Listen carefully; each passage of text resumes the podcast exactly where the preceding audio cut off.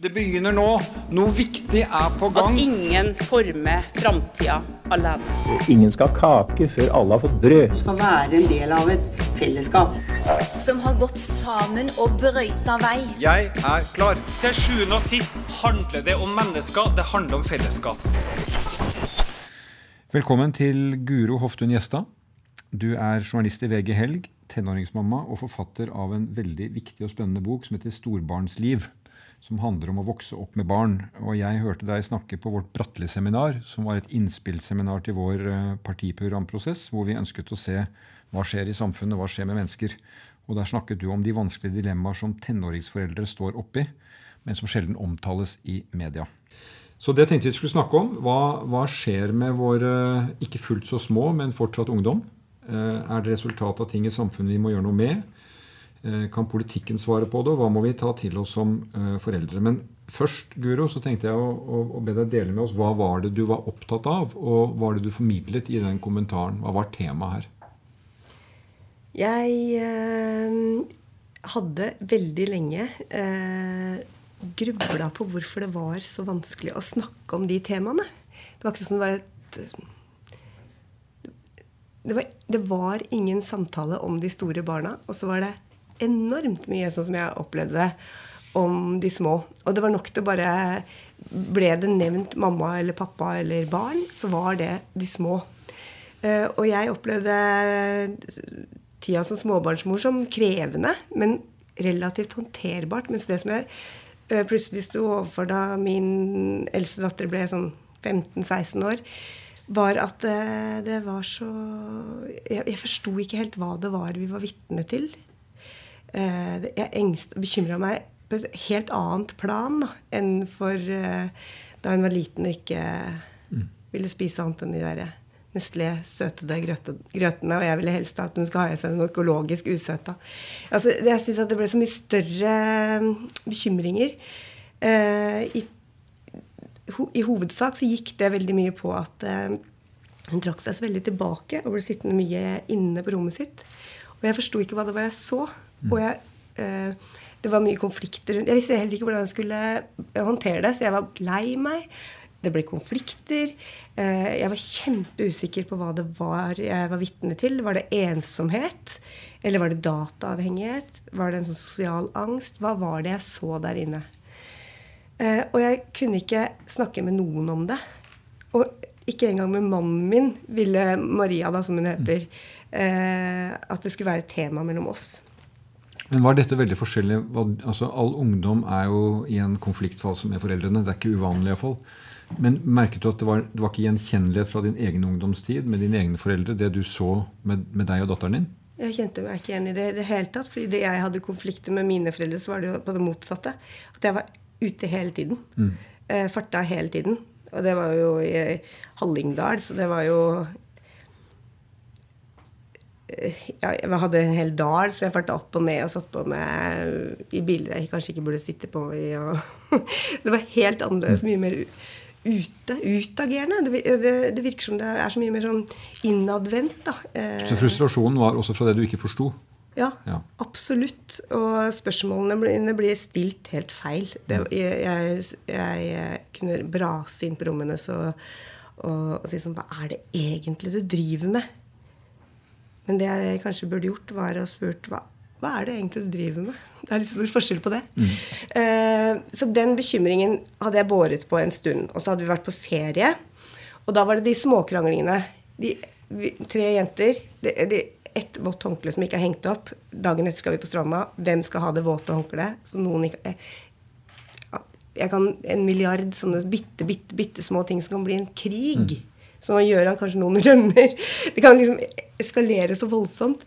Uh, og det var vel egentlig i den ferien at jeg virkelig begynte å tenke på det her. For da kom det en bok om det å være mamma, småbarnsmor. Uh, der forfatteren sa at hun følte at det ikke fantes en bok for sånne som henne. Og da ble jeg helt sånn ja, det, vekt, det var litt sånn bensin på det bålet som jeg allerede hadde begynt å, å fyre opp litt i. da. Og så begynte skolen igjen. Og da begynte den eldste i tredje klasse på videregående, og den mellomste i tiende klasse. Og det var liksom å gå ut på en sånn tynn is. Eh, og så var det en men, men hun hadde kommet seg ut av det rommet og begynt eh, å eh, ha et sosialt liv i større grad ute. Eh, og da bekymra jeg meg for det. Når hun, klokka var tre om natta og hun ikke hadde kommet hjem. Og det var da jeg begynte. Da tok jeg opp mobilen og skrev på mobil, nei, notatappen på mobilen det som ble den kommentaren. da. Og den skrev du i VG og fikk utrolig mye respons på. Det ble en av de mest siterte eh, kommentarene i VG det året. Og hva vil du oppsummere kommentaren tilbake? Det var en veldig gjenkjennelse, ikke sant? Jeg fikk ufattelig mange tilbakemeldinger. Helt på mailer og Twitter og Facebook fra foreldre som fortalte historier som var som gjorde at min historie, eller vår historie, bleknet i forhold. Eh, jeg fikk fra besteforeldre som hadde eh, sett dette her på avstand og var ferdig med sin eh, tid som storbarnsforeldre, men nå så sine egne barn stå i det. Fra ungdom selv husker jeg fikk et brev, langt, illsint brev fra en jente som er med i boka nå, da, som var så frustrert over manglende kommunikasjon med sin egen mor. Og så spurte, eller stilte spørsmålet i, i den mailen eh, Hvorfor spør ikke mamma hva jeg har i veska når hun hører at det klirrer? Hvorfor spør hun ikke hvordan det var på festen når hun kjenner at det lukter spy av meg? Eh, så i den der manglende kommunikasjonen så ligger det en, en omsorg som svikter, da. Eh, så det var innmari sånn Det var tydeligvis u underkommunisert, da. I denne boka så er det mange slike historier som jo forteller om mye bekymring eh, og mangel på kommunikasjon. Også på slutten av boka så tolker jeg det også, når jeg har hørt deg snakke om det også, at eh, det er på tide å senke skuldrene litt og, puste med maven. Eh, det går bra med ungdom, stort sett. De finner ut av det på et vis. Og, og da er liksom litt spørsmålet før vi snakker videre om ungdommen. Da, hva er det med oss foreldre? Er vi ikke i, den, i vår generasjon helt i stand til å se hva som har endret seg? Ser vi dem ut fra våre egne bilder og hva vi mener er riktig, våre behov, eh, når vi blir så bekymret? Eller eh, er det noe helt eh, nytt her som det er grunn til å bekymre seg for når vi ser på ungdom i dag? For på all statistikk så viser det seg at ungdom oppfører seg jo kanskje bedre enn vi gjorde. De har senere seksuell debut, de drikker mindre, det er mindre kriminalitet. Roligere generasjon, egentlig. Jeg tror at det, det, er, det er så annerledes. Eh, hvis du går etter de parameterne der, da, på antall av alkoholenheter og, og sånne ting. Eh, eh, eh, men, det som jeg tror også er litt forskjell, da, er at eh, vi som er foreldre nå til disse barna som er født på midten av 90-tallet, vi har fulgt dem opp veldig tett. Vi har lest oss opp på dem omtrent, mange av oss. Eh, vi har eh, Min far kjørte meg opp til eh, eh, Samfunnshuset omtrent slappa av i en brekksledd. Det var ikke snakk om at han skulle være med inn og se på at jeg trente. Og det gjorde ingen andre foreldre heller. Eh, vi trente og liksom heia på hverandre og heia på oss sjøl. Mens nå, når jeg ser mine egne barn, eh, så sitter det liksom sånn berg av foreldre med tommel opp, liksom. Eh, og vi har fulgt dem tettere, innbiller jeg meg. Eh, jeg har ikke noe forskning på det, men jeg tror det. Vi har fulgt dem tettere. Eh, og, og med det kanskje gjort eh, våre barn mer avhengige av oss. Ja, og Pluss oss mer har- avhengig av dem. Altså Vår Ja. løsrivelse blir vanskeligere. Ja, ja, ja. Så det gjør den løsrivelsen mye vondere. Og vi møtte jo hverandre på det Bratteli-seminaret. Jeg tenkte på Bratteli. Hans ungdomstid var vel knappast eh, i det var vel ikke, Han gikk jo rett over til å være voksen, ikke sant? Fordi at eh, på den tiden Hvor mange søsken var det han hadde? bråta med søsken. Og, og det da, så klart hadde ikke hans foreldre i den tiden mulighet til å dille og danne. Det var ikke Nei, ungdomstid. Nei, det var ikke ungdomstid. Nå er den veldig lang.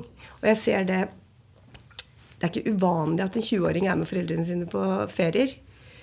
Det var uaktuelt da jeg var ung på 80-tallet. Men det vi, det vi, eh, for å komme tilbake da til ungdom, det vi også ser, er jo da, og du skriver om det også, et, et ganske stort alvor.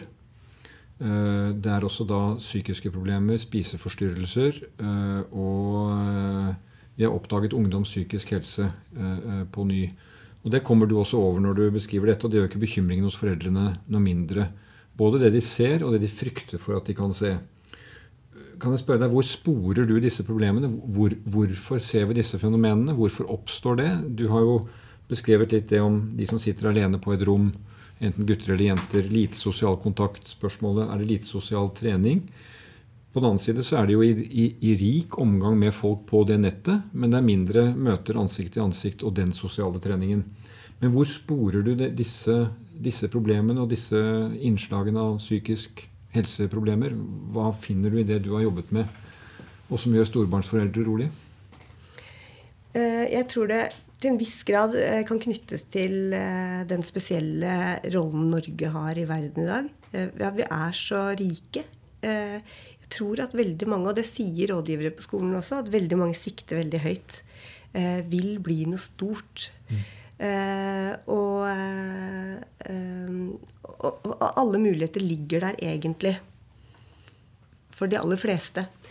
Uh, og de aller fleste er vil, uh, vil, noe, vil mye. Eh, men så er det mange som ikke klarer, mm. av en eller annen grunn, å følge opp sitt eget liksom sånn det derre At de ikke ser den innsatsen som skal til, da. virker det som. og så Det er veldig høyt fravær, f.eks det henger jo ikke helt sammen. Jeg, jeg møtte en lærer på Blindern videregående eh, som har skrevet bok om det, som heter 'Det store skolesviket'. og Som mm. forteller om et vanvittig høyt fravær. Og den dagen jeg traff han, så hadde han Det var i russetida, da, det er viktig å si. Men Han hadde med seg mobilen sin. Da hadde han tatt et bilde av klassen sin. Um, en halvtime ute i andre økt, og da satt det fire stykker der. Og to av dem sov, og to av dem satt bak uh, PC-en. Og så sa jeg men hvordan henger det her sammen med at de sikter så høyt? Og da sa han på hver eneste av de tomme pultene tror jeg det sitter noen som vil bli jurist, mm. lege, mm. som sikter veldig høyt. Og i det blir det en sånn tomhet. De, de skjønner sjøl at de ikke klarer å, å følge opp helt. Idealet, på et ja. vis. Mm. Men du skriver også det at uh, vi snakker i uh, samfunnssamtalen om dropouts. Mm. De som frafaller videregående, er et stort problem. Varierer litt i landet, men i noen deler av landet er det et stort problem. Du kaller det mer push-out. At det er altså en utstøtningsmekanisme vel så mye som at elever dropper ut. Er det en forlengelse av det du sier nå? at de ja, jeg eh, Det er veldig, veldig veldig mange foreldre som kommer til meg, eller ungdom også, som, som når jeg signerer bøker, f.eks., så sier sånn Jeg har eh, en sønn, og han, han kommer seg ikke ut. Han, han, har ikke vært på skolen på flere måneder. Det er det altfor mange som har sagt til meg. Mm. Eh, og, så, og, så, er det hvorfor, hvorfor skjer det her? Og så, og så tenker jeg at skolen er kanskje ikke en plass for alle.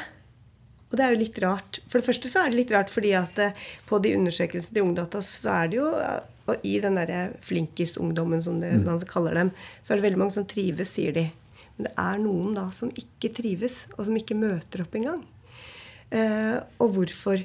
Jeg tror at det, de, de testes og måles altfor mye på det faglige, det teoretiske. Selv gymmen skal jo liksom plukkes fra mm. hverandre, og du skal få karakterer omtrent ned i hver minste lille ballkast. Mm.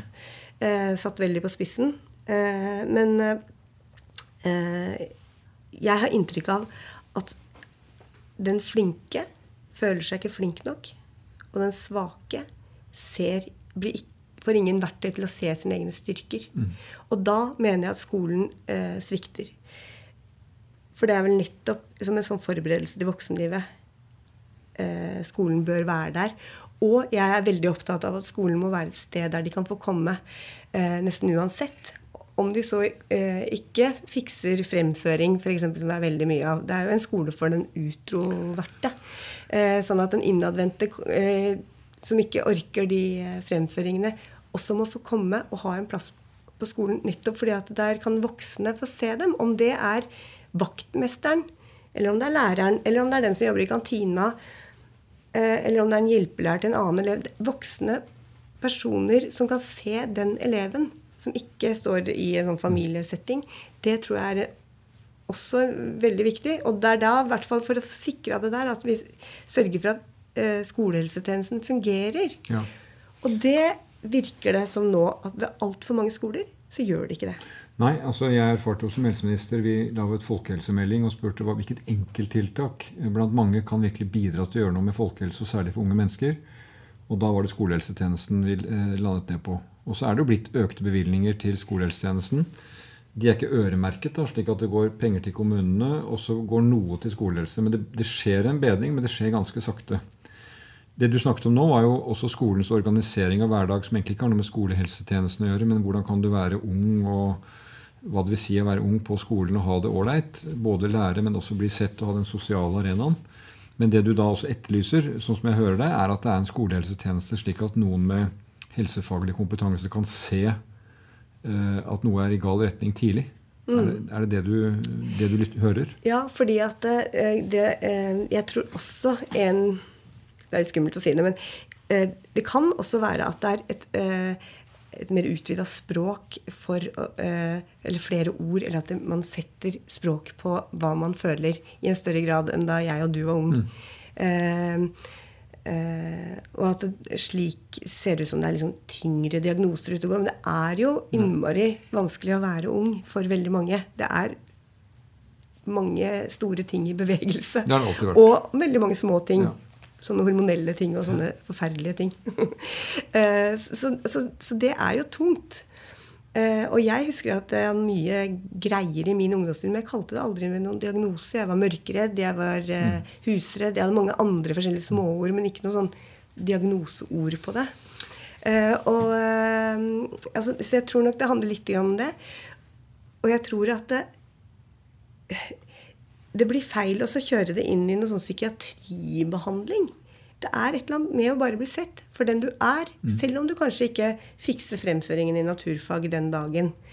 Eh, og det må vi ikke glemme. Jeg har en nabo og venn, Gunnar. Og han var helt elendig på skolen. Han Veldig dyslektisk. Og han falt helt ut. Men han var morsom, og han eh, falt ikke ut sånn sosialt. Eh, og rådgiverne på skolen prøvde alt for å få han til å bli interessert i skolens faglig. Eh, til slutt så ga de opp, men de ga ikke opp han. De ga ikke opp Gunnar. Så de sørga for at han fikk plass i et bakeri, og der fikk han eh, veiledning av noen eh, store bakere som sa her er mel, her er vann, her er gjær. Sett i gang, gjør det vi sier. Og det gjorde Gunnar. Og han fikk skryt, og han fikk anerkjennelse.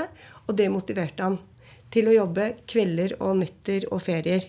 Eh, og når jeg spør hvorfor, hva var det som motiverte deg, så er det rett og slett det å få skryt. Det hadde han, han hadde aldri Å bli sett. Og få vite at han var flink.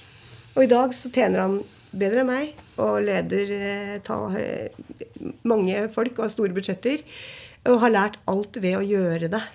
Eh, og han sier selv at i dagens skolesystem er han redd for at, eh, han ikke, at, at han ikke hadde klart At han hadde falt ut, og at han hadde blitt en naver. da. Men jeg kommer litt tilbake til det gutterommet og det jenterommet mm. og, og temaet teknologi, Internett. Eh, fordi eh, jeg ser jeg har to født før 2000 og én i 1999, da, på skiftet der. Og det er jo forskjell også på de tre. fordi den som da vokste opp med Internett hele livet, har et tettere forhold til det enn de som har vokst opp med det litt av livet. Eh, så eh, hva, Og det leser jo jeg Gunn opp og ned i aviser også. Skal jeg være bekymret for spillene? Hvem er de på nett med? Hva skjer inne på det rommet? Eh, med pluss-minus fire timer i, i, døgnet. Hva er skadelig? Spiller de om natten? Men det er en del tema i boka, det òg. Den uroen da, i og for seg vår generasjon Vi er jo også på nett og har alle uh, duppedittene. Men det er ikke den delen av livet vårt. Men har du funnet noe, no, noe fellestrekk, og, og, hvilken uro eller beroligelse har du rundt dette fenomenet som virker litt fremmed på oss? Da, for det er så stor kontrast til vår egen ungdomstid. Mm. Der er det i hvert fall eh, Jeg har inntrykk av at det er, liksom, det, er, det, er det, dette det krangles mest om i det norske hjem. Ja. um, og jeg, jeg, tror vi gjør en uh, stor feil hvis vi ikke prøver å forstå hva, hvor viktig det er for dem. Uh, og dette er deres arena, det er deres savanne, da, eller hva man skal si. Eh, og, og, det er liksom den største feilen foreldre kan gjøre. Og som, ja, å stå i veien for barna sine. Ungdomstida er jo tida de skal gå ut. Snu ryggen til oss. Sånn, det er, ligger i ungdoms, ungdommens mandat omtrent. Snu ryggen til eh, foreldre. Eh, vende seg mot andre. Og i dag gjør de det også via nett, og det må vi forstå. Eh, og, og, grunnen til at jeg sier det sånn, er for at det forsto ikke jeg med min eldste. Mm. og det jeg ser nå, jeg- Men jeg bekymra meg nok Jeg kan fortelle den historien om henne med positivt eh, fortegn ved at eh, det hun drev med der inne, var jo eh, å skaffe seg en kjempe sånn spisskompetanse på nettopp det hun studerer i dag, som er IT og kreative grafiske jeg har lyst til å si greier, for jeg skjønner det ikke helt. Eh, så, så det var jo ingen grunn til å bekymre seg hvis jeg ser på det sånn. Men så er det den derre innetiden som ikke er bra. Ja. Eh, Jeg tror likevel at man skal fortsette å møte hverandre in flesh, da, som eh, datanerden jeg intervjuer i boka her sier. Han, han mener at voksne er altfor opptatt av møter in flesh. ja. Ansikt til ansikt. Ansikt til ansikt. ja. Altså, Vi bør ikke stresse det så mye. Han mener det. Ja, Han mener vi bør stresse det. Nei, han, han mener at vi, at vi foreldre er altfor stressa på det. Ja, og, det er, altså det, og vi burde være mindre stresset på det. Altså Det som jeg tenker er at uh, Dette varer jo da gjerne uh, noe ett år, to år, som vi observerer og det blir veldig intenst. Uh, men så kommer man jo videre, og vi blir kanskje litt fiksert på at dette er liksom hele livet, at de er slukt av den teknologien. Eh, men sånn er det ikke heller eh, nødvendigvis. Men det, det er jo en teknologi som tar ungene vekk fra idretten, vekk fra kulturen, vekk fra utelivet. Men det er jo ikke møteløse, møteløs aktivitet. Det er, Det er ikke det, og det ser så veldig ensomt ut. Ja. Gjerne med alt lys slått av og en eller annen dårlig ungdomsduft der inne på det rommet. Eh, Så det, er, det, er, det ser så innmari fremmed og usunt ut for oss voksne. Men når du har skrevet denne boka om storbarnsliv, og du har snakket mye om det, og du har møtt enda flere som har lest, lest og fortalt til deg, eh, er du mindre urolig eller tryggere på hva det vil si å være storbarnsforelder etter å ha sett så bredt spekter i Norge, eller har du en dypere uro? Nei, det har jeg ikke. Men jeg ser at det veldig mange driver med eh, og bebreider seg selv. Eh, at eh, når noe går galt, så, så bebreider man seg selv og tenker sånn Noe må ha svikta i oppdragelsen av dette barnet. Hos oss. Ja. I foreldreoppdraget. Eh, det tror jeg ikke nødvendigvis. Eh, det skal være ganske Så klart, no, i noen tilfeller så er det starten på Noe alvorlig. noe alvorlig. Men i de aller fleste tilfeller så er det, er det ting som, som er faser, og som går over. Det er derfor jeg kan snakke om Maria, min datter, nå. For hun er 20 nå, det har roa seg, vi kan se tilbake på det her. Så vi, så, grunnen til at jeg snakker om, henne, om henne, er fordi at jeg har spurt henne om det er greit, og vi ser at det, det er det var ikke kjempealvorlig, det som skjedde, selv om jeg innimellom var veldig bekymra. Men det er liksom sånn, det var en fase, og det gikk kjempegreit. Eh, Da, da er jeg fristet av Guro til, til, til for å avslutte med dette at helt på slutten av boka så, så gjengir du et råd datteren din får av naboen. Og jeg tenker at eh, Da jeg leste det, så er det et råd som egentlig kanskje mange foreldre også kan ta til seg. Og det rådet var at hun måtte tørre å tro på seg selv. Mm. Og det er vel sånn at hvis både foreldre og barn blir veldig usikre på hverandre, så medfører ikke det noe godt. nei, vi må våge å stole på oss selv og være styrka i den foreldrerollen hele, hele løpet ut. Men jeg vet ikke hvor lenge det var. Det varer jo livet ut, sikkert. Det gjør det, men, men jeg tenker altså for, for å også da avslutte litt på, på det som er min arena nå, da, i tillegg til å være pappa. eh, Det er jo da politikken. Hva, hva er da dette vi kan gjøre noe med, og hva er det vi må bare leve med at sånn er eh, småbarnlivet, storbarnlivet? Eh, Og jeg tenker på det du sier rundt skolen, at skolen er et sted hvor faktisk eh, du blir sett og blir anerkjent for det du er. Eh, Det er jo også dette med at ikke teknologien opptar og tar alt og blir totalt dominerende. Og så er det også å ha en skolehelsetjeneste som kan se og skille mellom hva som er alvorlig. Klart Spiseforstyrrelser, vold i hjemmet, alle disse veldig alvorlige tingene. Det må vi ha kunnskap i skolen til å kunne se. Og det er veldig farlig om vi ikke har det, tenker jeg. Og det må vi styrke. Men for eh, de aller, aller fleste så er det med å ha tro på både foreldrene og barna kanskje et godt råd. Helt klart. Tusen takk skal du ha. Spennende å høre. Og boka anbefales 'Storbarnsliv' av Guro Hoftun Gjesdal.